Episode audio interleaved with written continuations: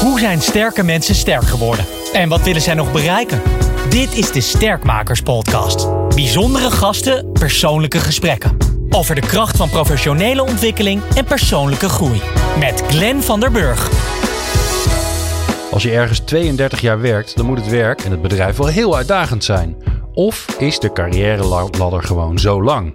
In ieder geval staat Marguerite Soeterman-Rijnen nu aan de top van die ladder bij internationale verzekeringsmakelaar E.ON als chairman executive board van E.ON Holdings. En daarnaast is deze topvrouw onder meer, want de lijst is lang, voorzitter van de Raad van Advies van de SER Topvrouwen, vice chairman van de supervisory board bij Nauta Dutiel en ook nog eens een keer chairman of the board van of directors bij Kelp Blue. Nou en de, de lijst is nog veel langer. Wil je alles weten, dan moet je gewoon even op LinkedIn kijken waar ze allemaal bij betrokken is. Hoe is zij aan de top gekomen? Welke barrières heeft ze daarvoor moeten slechten? En hoe blijft zij sterk in haar werk? Marguerite, bijzonder leuk om met je te praten over sterk worden in je werk.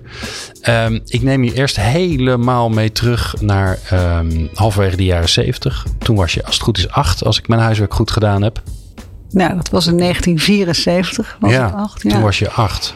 Wat deed je het liefst als achtjarige? Buitenspelen. Ja. ja. allereerst, nou Glenn, fijn dat ik bij jou mag zijn. Ja, nou, ja superleuk dat je er bent. Uh, wat deed ik toen ik acht was? Nou, allereerst werd mijn broertje geboren in 1974. Dus dat was dus een van de meest memorabele gebeurtenissen dat jaar. Mijn jongste broertje. Uh, we zijn een gezin van vier. En wat deed ik uh, toen ik acht was? Dat is wel leuk, uh, groep vier dus. ik speelde heel veel buiten. Stoeprandje, butsen, knikkeren. Waar, waar woonde je? In toen? Eindhoven ben ik opgegroeid. Oké. Okay. En veel buiten gespeeld, veel gesport. We hebben sporten allemaal veel, hockey. Was ik misschien net mee begonnen toen ik acht was. Moet eens even nadenken, denk het wel. Um, maar ook hokje op het veldje met alle kinderen uit de buurt. Uh, knikkeren, veel geknikkerd. Stoeprandje butsen noemde ik al. Nou, dat soort dingen. Stoeprandje ja. butsen? Ja. Wat is dat? Uh, stoeprandje butsen is met een bal dat je dus uh, de bal gooit en die probeer je tegen de, zeg maar de rand van de stoep. en dan kaatst die terug. Oké. Okay. En dan krijg je punten. Ah, ja, ja, ja. Ja, stoepranden noemden wij dat. Ja, ja stoepranden, okay. ja. ja.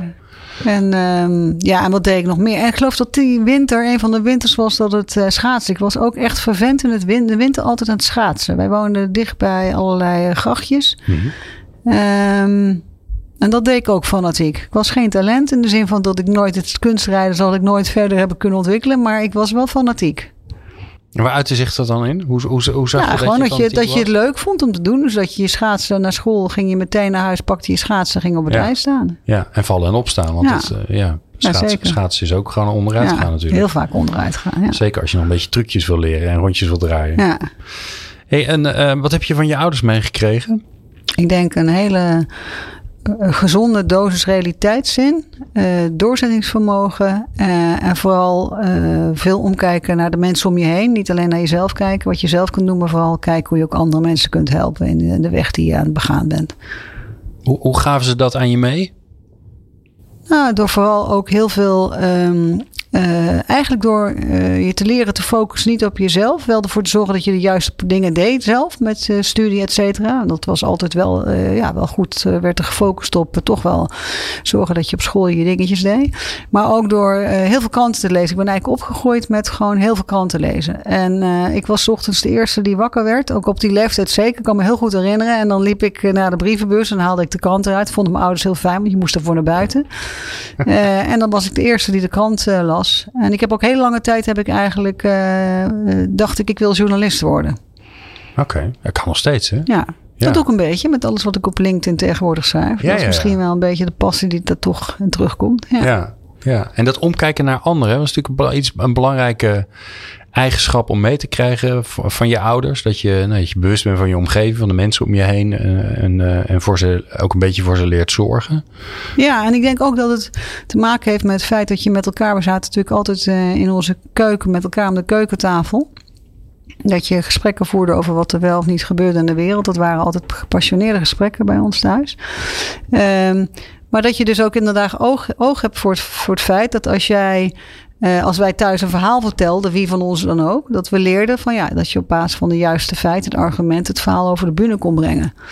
Uh, en dat je dus uh, je al vroeg leert dat uh, hoe beter je dat eigenlijk kunt, hoe meer mensen misschien naar jou willen luisteren met de juiste argumenten. Misschien met humor, misschien met ook cynisme ertussendoor. Ja. Maar wel dus dat je in de gaten krijgt ook hoe krijg je mensen met je mee in plaats van hoe krijg je mensen tegen. hoe, hoe, hielp, hoe hielpen je ouders daar dan bij? Want Hè, natuurlijk, kinderen komen thuis en dan zeker als ze nog nou, een jaar of acht zijn, dan zijn ze nog vol, vol verhalen. Dat op een gegeven moment houdt het op als ze gaan puberen. Dan zeggen ze, uh, hoe, is, hoe was die dag? Ja. Leuk. Zei er niks meer. Nee. Dat is leuk. Nee, mijn, nou ja, ik denk dat onze ouders, ik heb, mijn moeder was lerares. Dat is heel grappig. Hè? Ik loop natuurlijk nu heel veel rond overal met alles uh, en iedereen en nog wat. Ik heb veel vriendinnen wiens ouders ook allebei gewerkt hebben. En eigenlijk alle moeders die ik ken van veel vriendinnen waren allemaal lerares. Heel interessant te vertellen. Hm. Er waren ook niet veel andere beroepen op dat moment mogelijk. Omdat eigenlijk als jij in die tijd uh, afstudeerde. Uh, er zijn een aantal ouders geweest wiens moeder zelfs heeft moeten stoppen met werken. Omdat dat op dat moment nog de heersende doctrine was. Niet meer werken als je in verwachting bent of kinderen hebt. Mijn moeder is dus uh, les gaan geven. En mijn vader was ingenieur. Die werkte bij Philips. En ze hebben ons allereerst heel gender neutral opge opgevoed. Ik kan me niet herinneren dat er ooit in mijn in ons gezin het verschil was tussen jongens en meisjes. Behalve dat ik dan misschien om een pop vroeg. Uh, met kerst weet ik nog heel goed dat ik een Barbie wilde hebben. Dat mijn moeder dat eigenlijk initieel, ik heb geloof ik drie jaar moeten zuren om de Barbie te krijgen. Ja, ja. En toen zei ze eigenlijk op de leeftijd waarop ik toen was acht. Uh, zei ze op een gegeven moment, ja, ik heb hem wel voor je gekocht, maar ben hem kwijt. Nou, ik weet nog steeds niet of dat helemaal waar was of dat ze verstopt had ergens. Maar het interessante was uh, dat je dus gender-neutral opgevoed wordt. En wat betekent dat? Dat je dus eigenlijk, ik denk dat wij met z'n allen, met z'n vieren, het gevoel hebben gehad van Um, niet het gevoel hebben gehad, maar we waren echt gelijk voor onze ouders. Um, en dat betekent dus, en ik heb dat wel eens eerder verteld, dat uh, toen ik oud genoeg was, hielp ik mijn vader met de olie verversen onder zijn auto. Nou ben ik niet echt technisch aangelegd, dus als ik het nu nog een keer zou moeten doen, zou ik het niet meer kunnen. Maar dan mocht ik bijschijnen, de lamp. Uh, uh, ik was de oudste, dus toen ik oud genoeg was en hij ging dan naar, een, een, tweejaarlijkse luchtvaartshow in Parijs. Hij was werktuigbouwkundig ingenieur, maar was toen al was hij vervent geïnteresseerd in luchtvaart en ruimtevaart. En nam mij mee. En dan ging ik met hem en, en mijn oom en een neefje mee. Hm. En na de hand natuurlijk hebben mijn broertjes, toen mijn zusje, mijn broertjes allemaal uh, zijn in mijn, uh, in mijn voetstappen zijn ze gevolgd. Maar dat was gewoon super leuk. Dus ik heb eigenlijk heel veel jongs af aan, dus terug naar mijn ouders zijn zeer bepaald geweest. En één, geen onderscheid tussen man en vrouw. Um, niet zo bewust als ik het nu zeg, want ik heb me dat na de hand ga je nadenken, hoe vond je dat nu echt? En dan kom je er eigenlijk achter dat dat bij ons ja, ja, issues geweest. Ja, maar het was het gebeurde gewoon. Het gebeurde gewoon. Ja, het was niet dat het uh, en ook in de, in de En ook in de, in, de, in, de, in de takenverdeling thuis. Als je takenverdeling moet doen. Gewoon de klusjes rond het huis. Iedereen er, uh, ja, hielp gewoon mee. En, uh, ja. Dus ja, dus, en dat is denk ik wel heel bepalend geweest met je zicht op de wereld. Kijk, als jij uh, een zicht op de wereld hebt van, uh, en dat is die unconscious bias waar veel mensen het over hebben. Dus dat je in een bepaalde context bent opgegroeid, kan dat natuurlijk nog heel lang doorwerken. Ik heb altijd een hele open uh, context gehad, waarbij vader en moeder werkten. Waarbij ook eigenlijk iedereen werd gestimuleerd, mannen en vrouwen, dus broertjes en zusjes, om te gaan doen wat ze moesten gaan doen. Ja. En dan ben je de oudste van, uh, van, de, van de kids. Ja. Uh, vier stuks. Dus ja. je, hebt, drie baby's langs zien komen. ja. ja, het is wel grappig dat je, nu jij het vertelt, denk ik, ja, ik ben de jongste. Ik heb dat nooit gehad. Ik heb nooit een, een, een kleiner zusje of broertje gehad. En dus ook nooit gevoeld hoe dat is. Of die verantwoordelijkheid is. Dus maakt dat dan nog uit voor je idee? Heeft, dat, heeft het je nog nou op een of andere manier gevormd? Ik denk dat iedereen die de oudste is begrijpt wat ik ga zeggen nu. Dat als je de oudste bent, maak je alles voor het eerst mee. Ja. Dus voor het eerst ga je stappen en heb je de verhalen van stappen. Voor het eerst heb je wel of geen vriendje of vriendinnetje. Uh, en dat zijn natuurlijk wel. Uh, uh, dus je bent eigenlijk een soort van. eh, iedere keer doorbreekt de barrières. Uh, en dat is, uh, kan heel leuk zijn, maar het kan ook wel als belemmerend zijn. Weet je wel? Ik weet mm-hmm. wel dat. Uh, ik had een zusje die dus maar één jaar jonger is. Dus we schelen niet, zo, we schelen niet zoveel van elkaar. Ja, en die had natuurlijk gezien wat gebeurt er met Marguerite als die iets doet. Dus die, had, die is natuurlijk een paar keer is ze gaan duiken. Ja, en dat geeft geen ongelijk trouwens. Maar ja. je ziet wel dat dat ook wel je karakter bepaalt. Dat als je de eerste bent. Dus ik ben nu ook, denk ik, vaak ben ik of de eerste die over de dam gaat, of ik ga niet. Okay. Dus je hebt wel gewoon dat je, het heeft zeker ook je, het bepaalt wel degelijk je karakter of je manier van aanpakken of je manier van doen.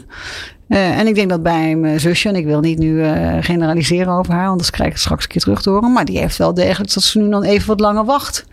Uh, want ja, ze wist natuurlijk als ze wat langer wachten, dat misschien was de zusje die altijd gewend was de eerste te ja. zijn, had het wel erg pad ja. gebaan. Ja. En dat wachten heeft voor jou eigenlijk nooit, dat was nooit een, een ehm, een tactiek. Da daar had je niks aan. Je kon wel wachten, maar er was niet iemand anders die, die, die diezelfde barrière ging slechten om jou heen. Want je was de oudste. ik was ook wel een ontdekker, denk ik. Ik was ook wel op ontdekkingsreis. Dus ik vond het ook niet erg om het, om het pad te plaveien voor mezelf. En om die stappen te nemen en uh, dan heb je inderdaad terug naar sterker worden en vallen en opstaan. Dan maar val je een paar keer. Maar ja, het leuke is dan dat je ook, uh, als je niet valt, dan kun je ook niet het, uh, genieten van het opstaan of van de hoogtepunten. Hè. Dus de diepe dalen die je dan wel eens doormaakt, of de hoge pieken die je bereikt, uh, die leer je ook wel te waarderen en eigenlijk op een goede manier te relativeren. Dat je weet van oké, okay, nou het hoort bij elkaar. Dus, uh, en, dat, en terug naar gezondheid, de mentale gezondheid. Nu denk ik dat het wel degelijk van belang is geweest dat je dus leert vallen en ook weer kunt opstaan. En dat je dus, wat doen je? Want mijn ouders gaven ons altijd heel veel vertrouwen. Hm. en ehm, waren wel kritisch. Maar gaven ons heel veel vertrouwen, zodat we in onszelf bleven geloven en om ons eigen pad vonden en weer doorgingen. Ja. Kun je nog een, een leraar herinneren uh, in positieve zin, waarvan je, waarvan je, waarvan je ja, soms zeggen we mensen ook wel eens, oh ja, die was vreselijk. Maar, uh, maar een leraar waarvan je echt dacht, oh ja, die heeft me echt wat, uh, wat bijgebracht of die heeft me een bepaalde passie meegegeven. Ja, ik had op de middelbare school had ik uh, meneer Frank. Ik heb dus gymnasium gedaan, Latijn en Grieks. En um, die zei altijd, en dan eh, weet je, dan zit je net en dan uh, steek je vinger op, denk je iets te weten. En dan zei je, ja, ik vind. En dan zegt hij, wat je vindt moet je naar de politie brengen. En ik geloof, zei die geloven doe je in de kerk. En ik denk, nou denken kun je nog niet, dat moet je nog leren hier. Uh, en, en, waarom zeg ik dit nu? Omdat hij eigenlijk ons heel goed geleerd heeft op basis van feiten uh, te beredeneren wat je wilde zeggen. Um, uh, en daar hebben we natuurlijk nu veel over, over fact-base en data en noem maar op. Maar hij met Latijn en Grieks was al heel vroeg. En dat is dus zeker instrumenteel geweest, omdat ik daar nog steeds wel eens over nadenk. Ik denk, ja, weet je, heel veel mensen hebben nu op dit moment heel snel een mening klaar. Eh, vaak niet gebaseerd op basis van de juiste. Dus hè, je hebt feiten. Vaak hebben ze de juiste feiten niet echt verzameld. Ze zien iets, ze horen iets en reageren. Dus het gaat om de juiste feiten om je heen verzamelen. Vervolgens nadenken wat voor betekenis geef ik daar nou aan. Om vervolgens dan daar een mening op te, over te vormen. En ik denk dat we in deze tijden veel te snel onze mening vormen. zonder dat we inderdaad de juiste feiten op een rijtje hebben gezet. Plus, en dat is nog veel interessanter, ons ervan gewist hebben of de informatie die we tegenwoordig krijgen, of dat wel de juiste is. Of dat het misschien desinformatie is. En dat vind ik eigenlijk voor mij om nu om, om dat af te sluiten, is dat. Ik had laatst een lezing van uh, Yuval Noah Harari. En die had het dus ook over de uitdaging van deze tijd. En die zei eigenlijk, ja, we moeten misschien dingen ontleren die we destijds geleerd hebben. Maar we moeten ook leren onderscheiden wat is informatie en wat is desinformatie. Dus dat vond ik. En daar triggerde hij me echt mee. Terug naar die leraar. Dus die leraar Latijn, meneer Frank. Ik weet niet of hij nog leeft. Maar Heb je dat meegegeven? Zeer veel impact gehad. Ja, ja. mooi. Nee, we zijn op de middelbare school. Dat is mooi, want daar wilde ik toch al naartoe. Dus het is fijn dat we daar aanbeland zijn. Dat is ook uh, meestal de aankondiging van de puberteit uh, ja. tijdens die middelbare school. meisjes zijn altijd iets eerder dan jongens. Um, waar moest je van loskomen bij je ouders? Want tot je puberteit zijn ze, ja, zijn ze je, je alles. van je, misschien wel je beste vriend tot je, je, opvoeder en je, je, je adviesorgaan. En op een gegeven moment dan denk je, ja is meer dan mijn ouders. Ja, ik denk mijn ouders zijn voor ons nog altijd en zijn nog steeds en ze waren altijd onze baken. Hè? Maar in de puberteit ben je natuurlijk, kom je los in de dierentuin en dan zijn je ouders nog steeds het baken wat er staat. Maar kom je los in de dierentuin, dan moet je eigenlijk zelf alles gaan ontdekken. Of dat wil je ook vooral. En dat betekent ook zelf ontdekken waar je nou eigenlijk zelf voor staat. Um, en in dat opzicht is natuurlijk de puberteit inderdaad een soort van, ja, je noemt het al loskomen van de invloed van je ouders. Dus natuurlijk was ik initieel overal tegen en noem alles maar op. Ik ja, was dat, zo? Was je een beetje ja, Nee, ik was, ik was het interessant is dat ik nooit, ik ben nooit een extremo geweest. Dat niet, maar ik was wel kritisch op wat ze vonden of wat ze dachten. Of wat ik dan vond en dacht. Dan zei ik nou. En vond natuurlijk alle programma's die ze op televisie keken heel erg ouderwets. Ik kijk zelf niks anders nu, weet je wel. De documentaires en, de, en, de, en de opinieprogramma's of het nieuws vooral. En uh, dan wilden wij natuurlijk weer iets zien van een film. Of, uh, maar um, dus terug naar. Uh, ja, dus ik heb in die, in die puberteit eigenlijk. mijn meest confronterende situatie die ik heb gehad. was dat ik op een gegeven moment dus uit mocht. Dat mocht je dan, hè. En dan. Ehm, nou, toen zei mijn moeder op een gegeven moment: Ik breng je wel weg. Nou, ik vond het natuurlijk vreselijk. Ja, ja. Mama, breng me weg. Nou, iedereen Drie straten van tevoren mag je me afzetten. Dus uh, nee, zei ze, ik breng je even weg. Even kijken waar naartoe gaat. En dus dat was op de straat Zijnd in Eindhoven. Ik woon in Eindhoven. En uh, nou, vervolgens... Uh, uh, gingen we dus, uh, de Joy was de discotheek voor iedereen die uit Eindhoven komt. Misschien wat herinneringen naar boven, fantastische tijd. En we gaan naar binnen en bij de deur zeggen we, oh mevrouw Rijn, naar mijn moeder. Dus ik kijk echt zo aan. De portiers die daar, die studenten die daar portier waren, waren leerlingen van mijn oh. moeder. En je begrijpt het, Glenn. Ik ben nooit meer uh, zomaar weggegaan. Ze zorgden altijd dat ik goed thuis kwam. Uh, en ik zat natuurlijk echt te kijken, wat gênant. Ik vond het heel gênant. Maar het was natuurlijk, ja, ik vond achteraf vind ik natuurlijk een fantastisch verhaal. En toen mijn dochter zo oud was, dan ging ik ook een keer mee, weet je wel. En dan zit je, kijk, wij voelden, mijn moeder voelde zich niet oud op die leeftijd. Ik voel me nog steeds niet oud. Mijn dochter is nu zelf 21 inmiddels. Maar ja, het was natuurlijk een hele mooie, uh, hele grappige ervaring. En ja, en die jongens, die hebben natuurlijk die portiers, ik weet niet of ze nog horen, maar het was echt heel grappig. Ik heb, uh, ik denk, ik ben ze dankbaar voor alle veilige thuiskomst die ik gehad heb ja, na de hand. Ja, ja. ja dus het was gelijk goed geregeld door je moeder. Ja, grappig. ik neem je mee naar, uh, naar het heden, uh, naar het nu. Ja. Uh, wanneer voel jij je sterk in je werk? In, in al die verschillende dingen die je doet? Wat is een, wat is een beetje de, de rode draad waarvan je zegt van nou, dat, dan voel ik me echt op mijn best? Ik denk dat het allerbelangrijkste wat voor iedereen is dat je jezelf mag zijn. En dat je in jezelf gelooft. Dus er zijn twee zaken. Eén is jezelf zijn. Dus dat je echt jezelf kunt zijn. Mhm. Maakt niet uit hoe je bent, wat je bent, uh, wat je voor mening hebt, maar dat je dat mag zijn. Uh, dat er naar je geluisterd wordt, dat erop gereageerd wordt. Want ze hebben het vaak over luisteren. Maar luisteren, ik kan naar jou luisteren. Maar als ik jouw boodschap niet opneem en er niks mee doe, dan heb je eigenlijk niks aan luisteren. Want dan ben je eenzijdig bezig. Dus luisteren is ook echt, wat mij betreft, actie en reactie. Um, maar ook het in jezelf geloven. Dus wat heel belangrijk is, dat je op dit moment ziet dat. Uh, ik wil ieder meegeven dat in jezelf geloven. Dat de enige die dat kan doen is jezelf. Als je niet in jezelf gelooft uh, dan gaat iemand anders niet zomaar jou geloven. En als je het hebt over in jezelf geloven, dan betekent het ook dat je accepteert dat je gewoon uh, dat je een aantal pro's hebt, maar ook cons. Dus het is zaak om, om goed te bekijken wie ben je, waar sta je voor. En dat noem ik altijd self-awareness en self-reflection. Dus self-awareness ben je eigenlijk bewust van wie je bent, waar je voor staat, et cetera. Uh, en self-reflection durf je zo nu dan in de spiegel te kijken en zeggen: Oké, gaat het nog wel goed? Doe ik dit goed? Doe ik het fout? Of fout is misschien negatieve benadering, maar kan het anders? Uh, maar het in jezelf geloven en het in jezelf vertrouwen zijn, wat mij betreft, de twee belangrijkste elementen. Uh, en jezelf kunnen zijn uh, om inderdaad te gaan doen wat je wil doen. En dat maakt je sterk. En het is vaak zo dat je, als je kijkt naar organisaties, en dat gaan we allemaal herkennen, is dat er ehm, ja, wordt er vaak misschien wel meer benadrukt op wat er fout gaat en wat beter kan. Dan dat je eigenlijk gaat benadrukken: hé, hey, wat zijn nou je goede punten en hoe kunnen we die goede punten eigenlijk verder tot uitbouw laten komen. Ja. Um, en dit is iets wat je ook terugziet in 360 graden uh, exercities. Dus iedereen, misschien wel veel mensen doen een, met, met assessments 360 graden assessment. En dan zie je dus dat vaak Um, en dat, dit is ook een beetje nu ook, uh, ik heb ook over women empowerment. Je weet dat ik actief ben. Zie je dat vrouwen eerder aanstaan op wat ze niet goed doen dan op wat ze wel doen. Dus ze doen heel veel goed. Uh, maar juist staan ze aan, wat doe ik nog niet goed genoeg? Ja, weet je, ik accepteert gewoon dat er gewoon dingen goed en fout zijn. Dat doe ik ook. Ik heb dus echt geleerd om mijn, uh, mijn flos, zoals ik het noem, te accepteren en mee te ja. leven. Um, uh, en als andere noem mensen. Een, noem maar eens een en, en hoe je daar dan mee ja, omgaat. Ik, ik ben gewoon een super gepassioneerde persoonlijkheid. Dus als ik echt ergens echt mijn hart en ziel en zaligheid uh, in vind, dan ga ik er ook voor. En dan. Ja. Uh, uh, en ook als ik iets dan vind daarvan, dan ga ik er nog eens dubbel zo hard voor.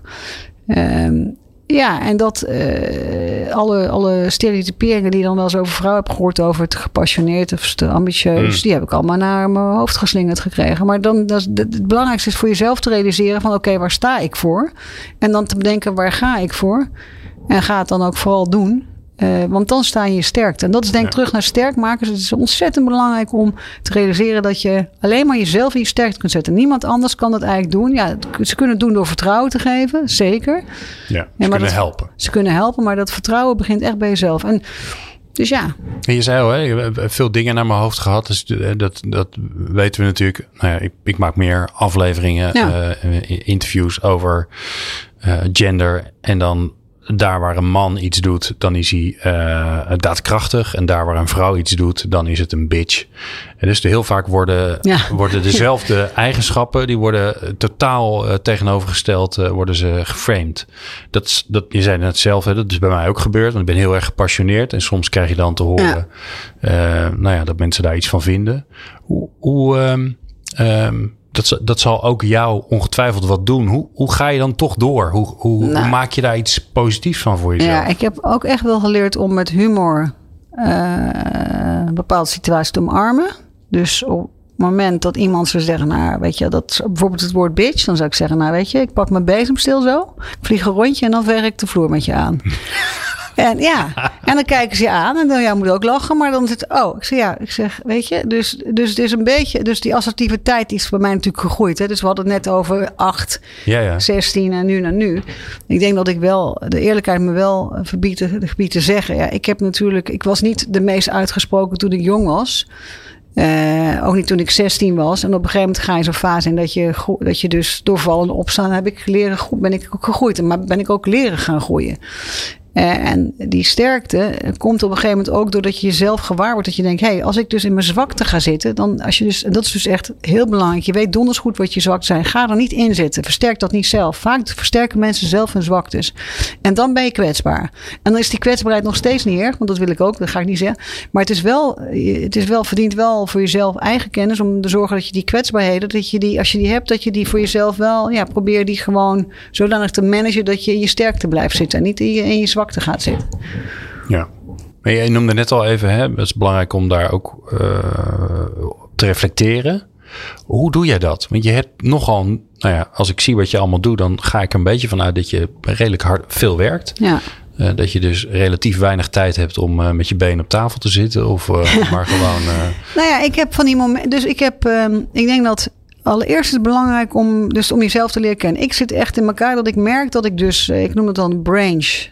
Brains, heart en courage. Hè? Dus ik gebruik ook wel eens de analogie van, van The Wizard of Oz. Dus eh, brains, heart en courage. Dus je hersenen, je verstand en je hart en je moed. Eh, voor mij is dat een drie-eenheid. Dus ik merk dat ik, eh, ik ben sensitief. Ik voel echt wel situaties aan. Ik ben zeer rationeel ingesteld, maar ook gepassioneerd, heb je net gehoord. Dus ik zit een beetje zo. En dan heb ik moed aan denk ik, hoe ga ik ermee om? Nou, ik denk dat het belangrijk is dat je voor jezelf dus die situatie leert herkennen en erkennen. En dan bedenkt hoe je daarmee omgaat. Eh, en ook als je hulp nodig hebt. eh, of ondersteuning, dat durf te vragen. Ik denk dat ik heb hele vele malen mensen om hulp gevraagd, om advies, eh, reflecteer ik terug naar je vraag, zelfreflectie. En wanneer doe je dat dan? Want dat vroeg je ook. Ja, ik doe het dus eigenlijk continu. Ik, ik, als ik in de auto zit, denk van nou, eh dit nog meer. Als ik iets anders had kunnen doen of als ik iets zeg en denk, ah, had ik het anders moeten doen, dan ben, denk ik erover na. Ehm, eh, ja, zonder Maar- dat je aan jezelf gaat twijfelen. Nee, maar wat, ik geleerd, ja, maar wat ik dus geleerd heb, is dus dat ik bedenk dan. ehm, eh, want natuurlijk zijn er veel situaties waar je echt mee zit. En denk, heb ik het wel goed gedaan? Of heb ik wel de juiste zaken gedaan? Ehm, maar als ik dan echt daardoor ben aangeslagen, dan, eh, en dat heb je wel eens, dat je denkt van, hè, weet je wel, dan denk ik van, oké, eh, dan slaap ik er een nacht over. Juist dat nachtje slaap is heel belangrijk, om het weer van de volgende dag met nog een ander perspectief te zien. En dan ook te bedenken, wat kan ik er alsnog aan doen? En dat ook te durven doen. Dus ben dan niet bang om dan alsnog die eh, schoenen aan te trekken en te doen wat je denkt dat je moet doen, al heb je het niet eerder gedaan. Maar ook sommige dingen gewoon te accepteren en te laten zoals ze zijn. Je kunt niet de hele wereld veranderen, alles op je, op je, op je, op je schouders nemen. Ja, wat ik mooi vind dat je, dat je zegt, eh, ik reflecteer. Ik ga dan denken, goh, had ik ook dingen anders kunnen, kunnen gaan doen? Dus je, je durft aan jezelf te twijfelen. Maar je, maar je gaat niet aan jezelf, aan jezelf twijfelen. Je gaat twijfelen aan of je het anders had kunnen doen. Het zijn twee verschillende dingen. Ja. Ja, dus, je- dus de twijfel zorgt er niet voor dat je aan jezelf als mens gaat twijfelen. En dat je, eh, dat je jezelf naar beneden gaat halen. Maar je, het is eigenlijk een moment om elke keer te leren van de situatie waar je net in hebt gezeten. ja. Maar, maar realiseer dan dat eh, om je eigen dromen te realiseren, morgen zeg ik altijd, is het belangrijk om je twijfels van vandaag te overwinnen. Want je twijfels zijn eigenlijk je grootste hindernis om niet te realiseren waar je naartoe wil gaan. Dus dat is ook een soort van confrontatie met jezelf om te zeggen, oké, en te accepteren. Ik denk dat wat heel veel. eh, ja, en dan, dan zei iemand heeft mij ooit geleerd, zeg dan, eh, als je dan iets hebt waar je echt mee zit of zo en je kunt het niet veranderen, het is gebeurd. Eh, nou, eh, dan, eh, en dus, dat varieert natuurlijk van hele serieuze gebeurtenissen tot misschien niemandalletjes. Maar leer het in een. ik zei iemand, het vond een hele mooie analogie. Oké, doe het in een schoenendoos. Zet die schoenendoos in je kast. Je weet dat je het hebt meegemaakt. Geef het, een, geef het een lading, geef het een bestemming. Uh, als je hem nooit meer eruit wil halen, die schoenendoos. Ik heb heel veel oude schoenen, dan laat je hem staan. Als je hem nog een keer toch eruit wil halen, omdat je denkt: hé, hey, het is toch nog iets wat ik niet goed genoeg daarvan wel of niet heb verwerkt of gedaan, et cetera, mm. haal hem eruit. Maar het ook een plek geven. Uh, en dan en dus niet elke keer weer terug laten komen en weer denken: oh ja, weet ik nog toen heb ik verkeerd gedaan. Of dat, dat is een beetje het gevaar daarvan. Nou ja, je moet, ik denk wel, we hebben nu wel, eh, want we gaan generalistisch praten over. Het kan natuurlijk persoonlijke zaken betreffen of zakelijke zaken betreffen. Voor mij is dat wel een groot onderscheid, eh, vind ik altijd. Ik vind, uh, maar wat ik, iets wat ik me altijd heb, ja, voor mij is een belangrijke drijfveld geweest. Van behandel iedereen zoals je zelf behandeld wil worden. Ga ook zo om met andermans gevoelens. En Maya Angelou heeft een mooie spreuk. Hè? Die zegt altijd: Je wordt niet herinnerd om wat je doet. Je wordt niet herinnerd om wat je zegt. Maar je wordt wel herinnerd om hoe je mensen hebt laten voelen. En daar hou ik me dan heel erg mee bezig. En als ik dan bijvoorbeeld iemand, als ik het gevoel heb dat ik iets kan doen om iemand anders zich beter te laten voelen. Dan doe ik dat met heel veel liefde. Want dan denk ik ook van: Nou, dat is toch wel een heel belangrijk iets als je die gave hebt om dat te kunnen geven. En, ook, en dus ook je ongelijk durven toe te geven als dat nodig is. Ja. En daar is het weer het omzien naar anderen, wat je van je ouders mee hebt gekregen. Ja, mooi. Um, we gaan ons ook even laten verrassen, uh, Marguerite. Ik heb hier voor mij het uh, kaartspel Spelen met Talenten.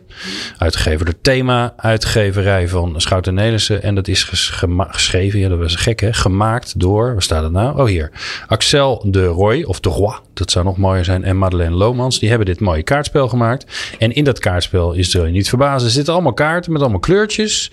En elk kleurtje heeft weer een andere. Uh, dus, dus er zitten talenten, feedback, waarden. Er zit van alles nog wat tussen. Nou, het werkt eigenlijk heel simpel. Ik moet er een pakken? Ja, pak er maar gewoon okay. een uit. En dan laten we ons verrassen met wat erop staat. En hopelijk uh, doet de serendipity uh, zijn werk. Okay, nou, Toch een rode, hè? Ja. Oh, dit is leuk. Talenten. ja, het is een, is een talentenkaart. Ja. ja. Oké, ik moet eh, bekijken de volgende beroepen. Econoom, docent, programmeur, binnenhuisarchitect, elektrotechnisch ingenieur, hotelhouder, patholoog, anatoom, onderzeebootcommandant, natuurbeschermer en chirurg. Welk beroep spreekt je het meeste aan welk beroep zou het beste passen bij jouw talenten? Ja. Hmm. Nou heb ik, ja, ik moet natuurlijk bij één. Uh... Ja, en ik, ik, ik zeg er nog bij: morgen kun je het gelijk. Dus je, dus je hoeft het niet, niet eerst te leren. Maar, uh, maar ik heb een, toverstafje en als je gekozen hebt, dan geef ik je gelijk alle vaardigheden en ervaring zodat je het kunt, doen. Nou, ik denk dat het eerste wat er me opkomt van dit lijstje is uh, toch docent. Um, maar het tweede, ik ga het toch benoemen. En derde, ik ga er toch twee derde noemen. Zijn onderzeebootcommandant ja, en hotelhouder. Had je dat bedacht of niet? Die onderzeebootcommandant, die zat ik wel op te wachten. Ja, ik dacht, maar nou, het is zoiets ben, mafs. Ja, het is heel maf, maar voor ja. iedereen die hier aan de telefoon die je luistert. Ik heb natuurlijk net, ik ben net uh, in New York geweest. Iedereen gaat altijd naar de, de, de vaste. Uh, ik ben al regelmatig in New York geweest. Maar ik ben dus net naar de, museum geweest waar een onderzeeboot was een, een vliegtuigschip en de USS Enterprise, de Space Shuttle in New York. Ligt uh, aan de Hudson. Fantastisch. Iedereen aanbevelen. En die onderzeebootcommandant vind ik hartstikke leuk om leiding te geven. Maar het is echt zo waanzinnig klein. Dus uh, vanuit man-vrouw situatie zou ik het wel doen. Want er zijn maar weinig vrouwelijke onderzeebootcommandanten geweest. Volgens mij nog steeds geen. Um, maar dus hotelhouder, omdat ik het super leuk vind om uh, mensen te entertainen. Dus uh, ik heb altijd heel graag in mijn jeugd bij Van der Valk gewerkt. Ik vind nog steeds een fantastisch uh, familiebedrijf. Mm -hmm. en dat vind ik leuk omdat. Maar als je dan zegt wat het meest aanspreekt, ja, is om toch docent te zijn. En dat, ja. Ja. Gekke vraag, hè? Ja. is de tweede keer dat hij langskomt. Waarom doe je het niet al? Nou, ik doe het op een bepaalde manier met allerlei uh, speeches geven en mensen meenemen. Ik heb net bij de Rotterdam School of Management een speech over leiderschap gegeven. Um, nou, wie weet. Dus uh, ik zit all runs in the family. Ze mogen je bellen. Ze, het onderwijs. Ja. Ja. Nou, ik zou dus wat ik echt heel leuk zou vinden van het on, dat weten trouwens mensen. Het is niet onbekend bij mensen. Ik uh, draag uh, uh, ook het onderwijs, maar ook de wetenschap een warm hart toe. Dus ik ben zelf, zoals je weet, ben ik studie bij Harvard Business School de globale alumni board. Ehm, ik ben ook wel een paar weken geleden weer op Nijrode. Draag al die organisaties een warm hart toe. En denk dat juist dat soort, dat soort ja, instellingen universiteiten een bijzondere functie heeft om om onze jeugd en next generations naar het volgende niveau te brengen. Mhm. Ja, en als ze mij zouden vragen om uh, arme Koen Becking die dit nu hoort, om daar uh, het stokje over te nemen, ik doe het meteen. Ik hoef niet eens te twijfelen gewoon. Ik vind het zo mooi om Uh, om, of om Erasmus, om dat soort organisaties naar het volgende niveau te brengen. Het zijn echt mooie uitdagingen. Dus iedereen die dat doet, uh, chapeau. Ja, nou, alle hunters die bezig zijn op, op, zoek naar een nieuwe rector van een, uh, van een universiteit. Je weet wie je moet gaan bellen. Ja. Hè? En vrouwelijke rectoren hebben we ook nog niet genoeg. Tenminste, die kun je nooit genoeg hebben volgens mij. Ja, um, ja deze vind ik toch wel leuk als je terugkijkt, even je, zeg maar, je, je, je werkende leven langs. Wat is dan de grootste fout die je hebt gemaakt waar je ook het meest van hebt geleerd? Um, ik denk de grootste fout die ik heb gemaakt is me uh, als vrouw uh, eigenlijk veel te lang aan te passen aan uh, de mannenwereld waar ik in zat. Um, waardoor ik op een gegeven moment meer bezig was met aanpassen dan met de focus op de inhoud. Dus je gaat meer op de vorm letten dan op de inhoud. En uiteindelijk ben ik ervan overtuigd, helemaal nu. Je ziet gewoon dat het draait om inhoud. De vorm en inhoud zijn beide belangrijk. Dus ik zeg niet dat het een belangrijker is dan het ander.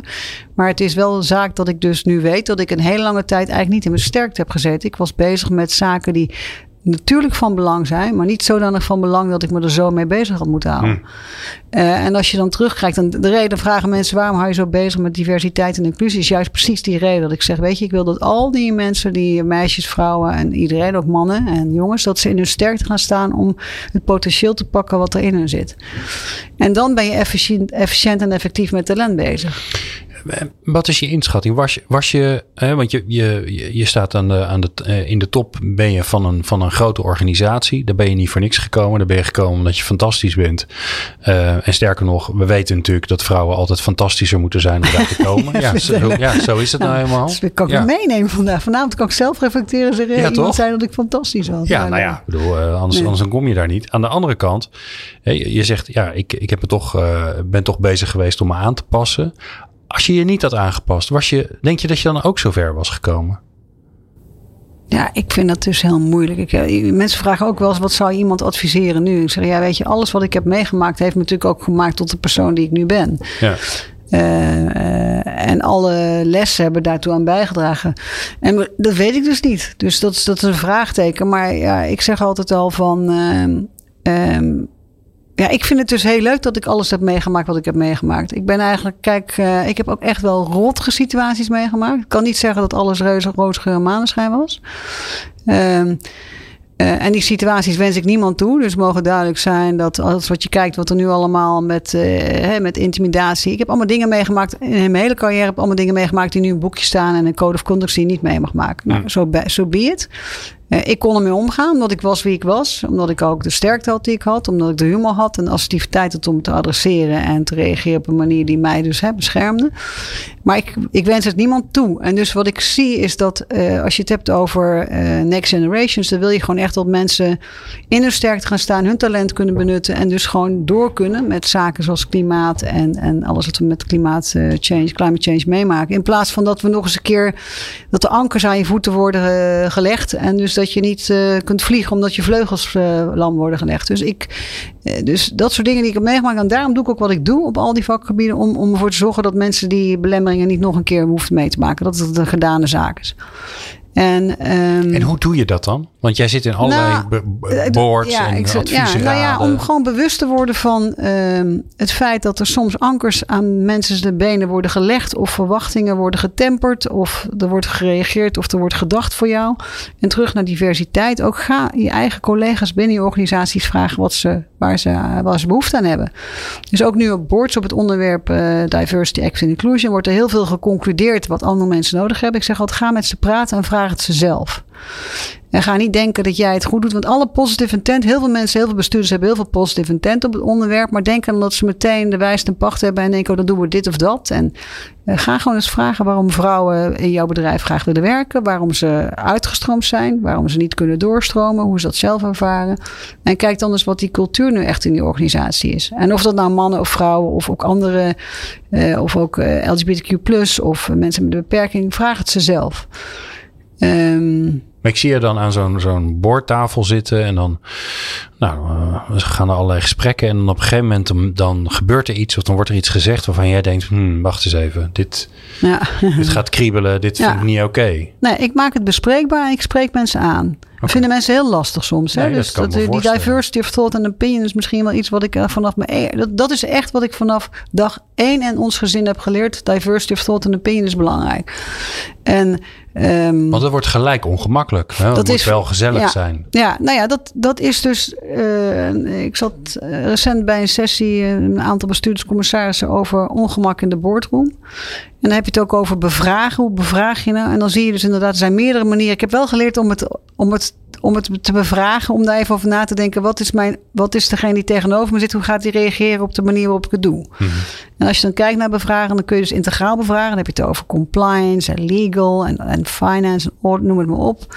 Dan kun je het hebben over disruptief bevragen. Als iemand A zegt, kan ik Z zeggen. Dat vinden mensen heel lastig soms. Eh wil niet zeggen dat ik naar, van A af wil wijken of dat ik naar KLM wil. Maar het gaat erom dat ik wil dat ze met de juiste argumenten me weergeven waarom ze A vinden. En ik misschien Z, maar Ja. dat doe ik misschien wel om uit te dagen. Dan heb je persoonlijk bedrijven vragen. Dat gebeurt ook te weinig. Van god, hoe gaat het met je? Hoe was je weekend? Hoe is het met je vrouw, met je kinderen? Eh, dan heb je ethisch bevragen. Dat is iets wat de generaties, eh, huidige nieuwe generaties heel goed kunnen. Die blijven ons maar bevragen. En die vragen waarom doe je wat je doet en waarom doe je het niet snel genoeg, et cetera. Dus die, en dan heb je de laatste en dat is hoopvol bevragen. En bij sommige mensen kun je echt niet disruptief bevragen, eh, maar moet je hoopvol bevragen. En waarom zeg ik dit? Omdat ehm, recent ook beleven. In 2019. Geef eens een voorbeeld van een hoop, hoopvolle bevraging. Wat, wat, wat, wat zit er dan in een hoopvolle vraag? Nou, disruptieve vragen is eh, A. En waarom zeg je niet Z? Hè? Ja, ik vind dus Z. de organisatie Maar je zegt toch zegt- niet A, ik denk over A. Nee, je zegt meteen, ik denk dat Z gewoon de oplossing Ja. is. Nou, Ja. mensen Ja, aankijken. dus het gaat over groei en iemand zegt, maar waarom gaan we niet krimpen? En hoopvol bevragen is van, eh, is van God, eh, jij zegt A. En eh, hoe denk je dan dat we naar Z kunnen komen? Bij wijze van spreken. En wat voor een argumenten zou je dan naar voren kunnen brengen om de weg naar Z in te slaan? Eh, dus dan ga je op een andere manier. En het interessante is dat. eh, dit vond ik echt super leuk om te lezen op een gegeven moment. Er zijn twee dingen die interessant zijn. Het World Economic Forum liet in 2019 eh gaven ze een rapport weer dat hoe hoger mensen in de organisatie zitten, hoe slechter het gaat met de emotionele intelligentie. En dat heeft dan ook te maken, Manfred Kets de Vries, kennen jullie ook. eh, had vaak, heeft veel betoog geschreven ook over narcisme. En, eh, en hoe ga je verhouden als je aan de top zit. En wat je natuurlijk ziet, hoe hoger mensen aan de top zitten, hoe minder ze worden tegensproken. En juist dat die counter prevailing power. Dus laat je vooral tegenspreken, want dan ben je nog bereid om te leren. Maar ik zie zelf ook natuurlijk, ja, ik zeg het ook even terug naar mezelf. Als mijn kinderen mij thuis op een gegeven moment even echt een heel andere perspectief laten zien of horen dan ik zelf voor ogen heb, kan ik natuurlijk ook narrig reageren. Ja, want Maar- hoe zorg je dat je er zelf voor open blijft staan? Of dat mensen, hè, want vaak wordt er, ik hoor vaak leidinggevenden of bestuurders zeggen, ja, mijn deur staat altijd open. Ja, dat is leuk, maar je ziet die virtuele enorme drempel, die zie jij niet, maar die ziet die ander wel. Dus hoe, hoe ga jij nou actief op zoek naar die andere stem eh, om, om jouw tegenspraak te organiseren? Nou, ik heb in mijn bedrijf, eh, dus bij mijn, eh, bij E.ON heb ik op een gegeven moment heb ik een Trusted Circle of Five. Dat zijn vijf mensen die eh, mij eigenlijk, eh, met wie ik ook echt, die vertrouw ik volledig. Dus die geef ik de meest vertrouwelijke eh, situaties, durf ik met hem te bespreken. En ze mogen me ook echt ja, gewoon ongenuanceerd op mij reageren, kritiek geven, hoe je het maar wil benoemen. En eh, dat zijn dus, een millennial, dat is iemand van Surinaamse afkomst, is een man van 60, die wil nooit horen dat hij oud is, maar dan zeg ik prime. Ehm, is natuurlijk niet oud, maar het is natuurlijk een beetje grap. Maar dan een, een eh, mannelijk collega van 42 ehm, en een vrouw van 52. En het interessante is op het moment dat jij hen zo... Divers clubje Ja, divers clubje. Ja. Maar ze geven ook, mogen ook echt gewoon ongenuanceerd een mening geven. En ik vind het soms heel moeilijk hoor. Want het kan ook wel dat je zegt van... Maar je leert met elkaar dat je zo dan vertrouwt. En ik heb altijd gemerkt dat op het moment dat je er open voor staat... dan doe je er ook iets mee. Ehm, en dan eh, inderdaad... pas je even de e-mail aan die je misschien wilde sturen, die wat scherper was. Of, of eh, je, je denkt nog een nachtje na en slaapt nog even. Of wat, eh, en eh, en wat, het met je doet, is eigenlijk dat je, ja, dat je vanuit, dat noemen ze in de militaire zin situational awareness. Je gaat vanuit diverse invalshoeken, ga je dezelfde situatie proberen te bekijken. En ga je een beetje rondcirkelen. En dan denk je, oké, is het inderdaad zo erg of zo extreem? Of is het helemaal niet erg? En je leert dus eigenlijk dat dat er ook soms heel veel stormen in een glas water zijn die uh, wel je aandacht behoeven. En zeker je aandacht behoeven, maar die wel misschien een wat genuanceerdere of andere reactie. Of wel een hele felle reactie behoeven. Het is ook wel eens omgekeerd geweest dat ik dacht van nou, ik reageer heel aan dat mensen, nou kom op Margriet, kun je echt niet over je heen laten gaan. Nee, nee. Nu, moet, nu, moet, je even doorduwen. Ja, ja. Ik ga je meenemen naar de toekomst. Het duurt nog een tijd, maar um, we zijn op je tachtigste verjaardag. Ik mocht er ook bij zijn. Wel leuk trouwens, want zo goed kennen we elkaar niet. Maar misschien tegen die tijd wel, je weet maar nooit. Uh, je familie, je vrienden, je bekenden, iedereen is er. En er wordt gespeecht. Tegen jou, maar ook over jou. Over wat je betekend hebt voor, uh, voor ja. al deze mensen. Wat zeggen ze over je? Wat hoop je dat ze zeggen? Ik hoop dat ze over me zeggen dat ik... Uh, uh, ja, uh, dat ik. Uh, ja, dat ik er vooral voor andere mensen geweest ben. En het moeilijke is wat ik nu ga zeggen, is dat je ziet dat je natuurlijk, dat ben je wel ook in je werkende dingen die je doet. Maar je merkt vaak dat juist de mensen die het echt betreft, dat zijn je naaste vrienden of je gezin, dat je daar eigenlijk misschien wel, uh, dat je daar, dat je daar natuurlijk ja, relatief misschien soms wel minder tijd aan besteedt. Want daar hebben we het vaak over. We zitten vaak meer op tijd op ons werk of in de zakelijke omstandigheden dan thuis. Maar dat, uh, en dat ze dus ook. Uh, ja, dat is denk ik het allerbelangrijkste. Dat die zien dat ik uh, met heel veel liefde de dingen heb gedaan waar ik passie voor had. Maar dat dat vooral ingegeven was en kon doen omdat ik thuis de steun kreeg die daarvoor noodzakelijk was. Ja, en verder hoop ik gewoon dat ik dan uh, met z'n allemaal het glas nog hebben. Uh, en op nog eens een keer, ik bijna zeg 80 jaar, maar dat gaat niet worden. Maar ja, wel een goede gezondheid. Ik denk dat COVID heeft ons laten inzien dat alles waar we het over gehad hebben, vooral veel materiële zaken, zeg zo weinig relevant zijn. Want uh, de immateriële zaken, gewoon gezondheid, bleek toch wel van doorslaggevend belang te zijn in een tijd waarin je zag dat opeens een over leven en dood ging. Dus dat vind ik echt wel belangrijk. Ik merk ook dat het veel mensen veel meer nuance heeft gegeven om te bekijken hoe je het leven leidt en wat je doet. Ja, ja, en dat, en dat het in, in, weer terug in kleine kring, dat het eigenlijk best wel prima is. Nou, ik vond het heerlijk gewoon. Ik moet ook zeggen dat ik echt genoten heb van mijn tijd uh, uh, thuis. Met, met mijn man. Mijn, mijn, kinderen kwamen terug van de universiteit. Twee zijn. één kwam terug uit Wales, waar ze op school zat. En mijn zoon kwam terug uit Rotterdam. Vervolgens zijn ze dat. Uh, half jaar later weer op hun pad gegaan. Maar die tijd samen. En ik heb het meest onmogelijke gedaan. Ik had dus gezegd: als mijn kinderen het huis uitgaan, dan ga ik echt mijn hele huis opknappen. En dat is misschien nog wel heel leuk om te vermelden dat ik dus had gezegd, nou, en toen was het dus, je weet het, maart 2020 COVID. En ik had in mei de schilder besteld. En ik had gezegd, we gaan het hele huis doen. nou, en dus het zat het hele huis vol. En het hele huis zat vol. En die schilder, die goede man, die zei, Marguerite, dat gaan we managen, dat komt helemaal goed. En het is echt, het is echt helemaal goed gekomen. En ook iedereen heeft zich dus kunnen aanpassen om een verdieping weer helemaal leeg te halen, weer terug in te ruimen en met elkaar. En dan zie je dus dat wij als mensen, we zijn super in staat om, uh, om flexibel te reageren en ons aan te passen aan de omstandigheden die ons pad kruisen. Maar dat is ook een mindset en dat is belangrijk. Ik denk dat het aanpassen aan alles wat er zo snel verandert en de transparantie waarmee het gepaard gaat, dat dat momenteel een van de belangrijkste mindset is. Ja. Waar heb je zelf nog aan te werken richting je tachtigste?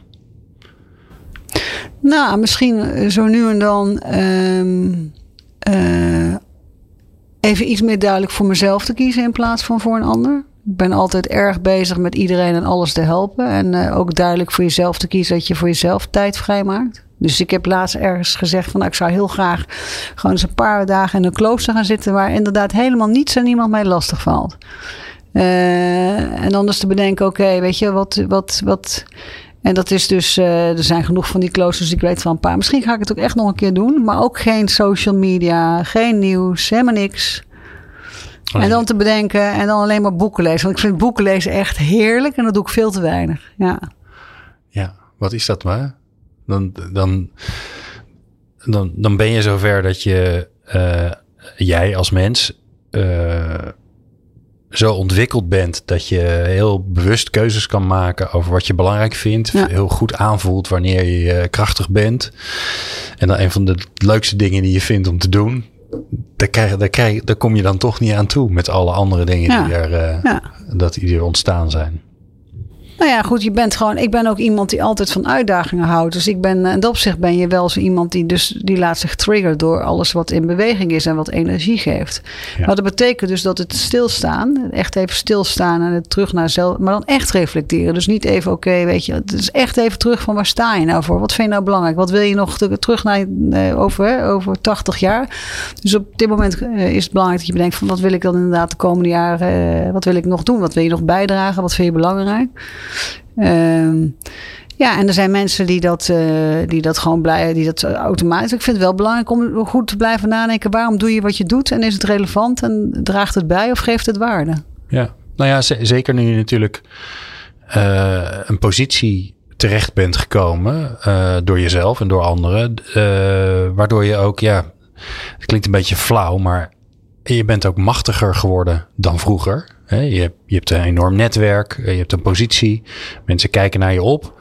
Ja, dat, ik kan me ook voorstellen dat er een soort verantwoordelijkheid bij komt kijken Ja. van ja, wat doe ik daar nu eigenlijk mee? Ja. ja, ik vind het heel belangrijk om te blijven kijken naar impact. Hoe creëer je impact? En eh, ik ben nu al twee jaar lang betrokken bij de G20 voor wat betreft Women Empowerment met G20 Empower.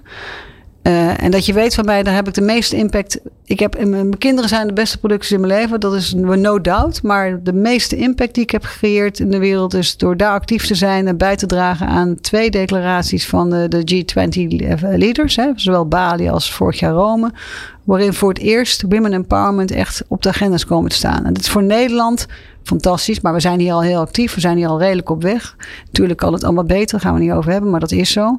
Maar als je dan kijkt naar landen zoals Indonesië, India, Japan, waar de rechten van de vrouwen, noem maar op, we weten de situaties in Iran, we weten de situaties in Afghanistan, waar totaal andere situaties zijn, hoe je daar dan aan kunt bijdragen, echt op een hele tastbare manier, door het bespreekbaar te maken, aanspreekbaar, heel specifiek inhoudelijk te gaan kijken naar zowel health als digital, maar ook naar small medium enterprises. Ehm, ja, dan, dat, is van, dat is gewoon fantastisch. Daar heb ik ook gewoon geen woorden voor om te beschrijven. Want het is een ervaring die je deelt met een aantal mensen die gewoon gedreven zijn om te doen. En dan, eh, ja, we hebben overmorgen onze laatste closing session. We gaan nu naar India toe. Eh, dat, is, dat is echt gewoon fantastisch. En daar kun je echt het verschil maken. Niet alleen voor jezelf, maar juist voor heel veel anderen. En dat is impact. En dat, dus daar wil ik over nadenken. Inderdaad, in dat klooster, wat ik Mooi. nog, eh, hoe ik dat Ja. kan uitbreiden. Ja. Ja, mooi. Je mag jezelf een advies geven. Dus je, het is een soort rare situatie, maar stel je me even voor dat we in een film zitten en eh, je gaat terug in de tijd eh, en je mag je eigen 20-jarige zelf advies geven. Wijsheid die je eigenlijk nu hebt opgedaan, die je toen nog niet had. Wat zou je zeggen tegen jezelf? Ja, ik zou, ik zou eigenlijk helemaal niks zeggen. Laat je verrassen. Want eh, alles wat ik tot nu toe geleerd heb, alle ups en downs hebben mij gemaakt tot ik wie nu ben. En ik zeg altijd, Glenn, dit is misschien wel het mooiste. Ik ben misschien 56 nu, maar ik voel me echt 21. Dus ik heb in dat opzicht, eh, heb je het wel eens over chronische leeftijd en mentale leeftijd. En ik heb alle lessen natuurlijk allemaal geleerd die tot mijn 56. Maar jouw chronische leeftijd is 21. Ja, ik voel me helemaal niet. Ik heb altijd, ik, laatst stond iemand op voor mij en, en de metro. En eh, ik was met mijn dochter in Parijs en ze staan op voor mij in de metro. En ik was, eh, en ik zei, god, ik had wat last van mijn enkels. Ik, had, ik ben mijn enkels gefractureerd. Ik denk, god, wat aardig. Die mensen zien dat ik moeilijk loop. Nee, zegt ze, mama, je bent gewoon oud. Dus ja, Ja. weet je wel. Dus Ja. ik zie er dus klaarblijkelijk wat ouder uit inmiddels. Nou, ook prima. Heb ik geen enkel probleem mee. Maar dat, ik voel dat niet. En ik vind dus ook terug naar je mindset, ja... Eh, en dat ben ik de optimist die in iedere moeilijkheid een mogelijkheid ziet. En dat doe ik ook met alle liefde en met passie. En, en dan hopelijk nog vele jaren te gaan. Mooi. Laatste vraag aan jou. Ehm, welke vraag zouden onze luisteraars zich nou eh, moeten stellen als ze sterker in hun werk willen worden? Dus welke vraag moeten ze aan zichzelf stellen? Ehm, ik denk dat ze aan zichzelf moeten stellen de vraag: ben je echt gelukkig waar je zit? Ehm, dan zouden ze kunnen vragen: ja, misschien ben je gelukkig elders. Maar ik zou ook de vraag is: als je niet gelukkig bent waar je zit, zou ik aan jezelf vragen: wat zou je wel gelukkiger maken en maak dat bespreekbaar? Eh, en geef dat aan. Eh, en ehm, blijf niet zelf als een binnenvetter op bepaalde situaties zitten. Deel het met anderen. Eh, want gedeelde smart is halve smart, toch? Heel mooi. Ja, hartstikke mooi. En, en dus begin niet gelijk die bed and breakfast ergens in een warm land. Want verbeter eerst gewoon even de plek waar je, waar je zelf zit. Want daar is meestal heel veel te doen. Ja. Ja. Mooi, dankjewel. Ik vond het bijzonder leuk om met je te spreken. Eh Marguerite Soeteman-Rijnen, dankjewel voor je, voor je tijd en eh, dat je hier wilde zijn. Ja, graag gedaan, Glenn. Dankjewel. Bedankt voor het luisteren naar de Sterkmakers podcast. Hopelijk heb je er nieuwe energie van gekregen. Maar echt sterker word je door er iets mee te doen. Dus waar wacht je op? Aan de slag! Meer podcasts vind je op jouw favoriete podcast-app door te zoeken op de Sterkmakers podcast. Bezoek ook onze website sn.nl/podcast voor alle informatie over de Sterkmakers podcast.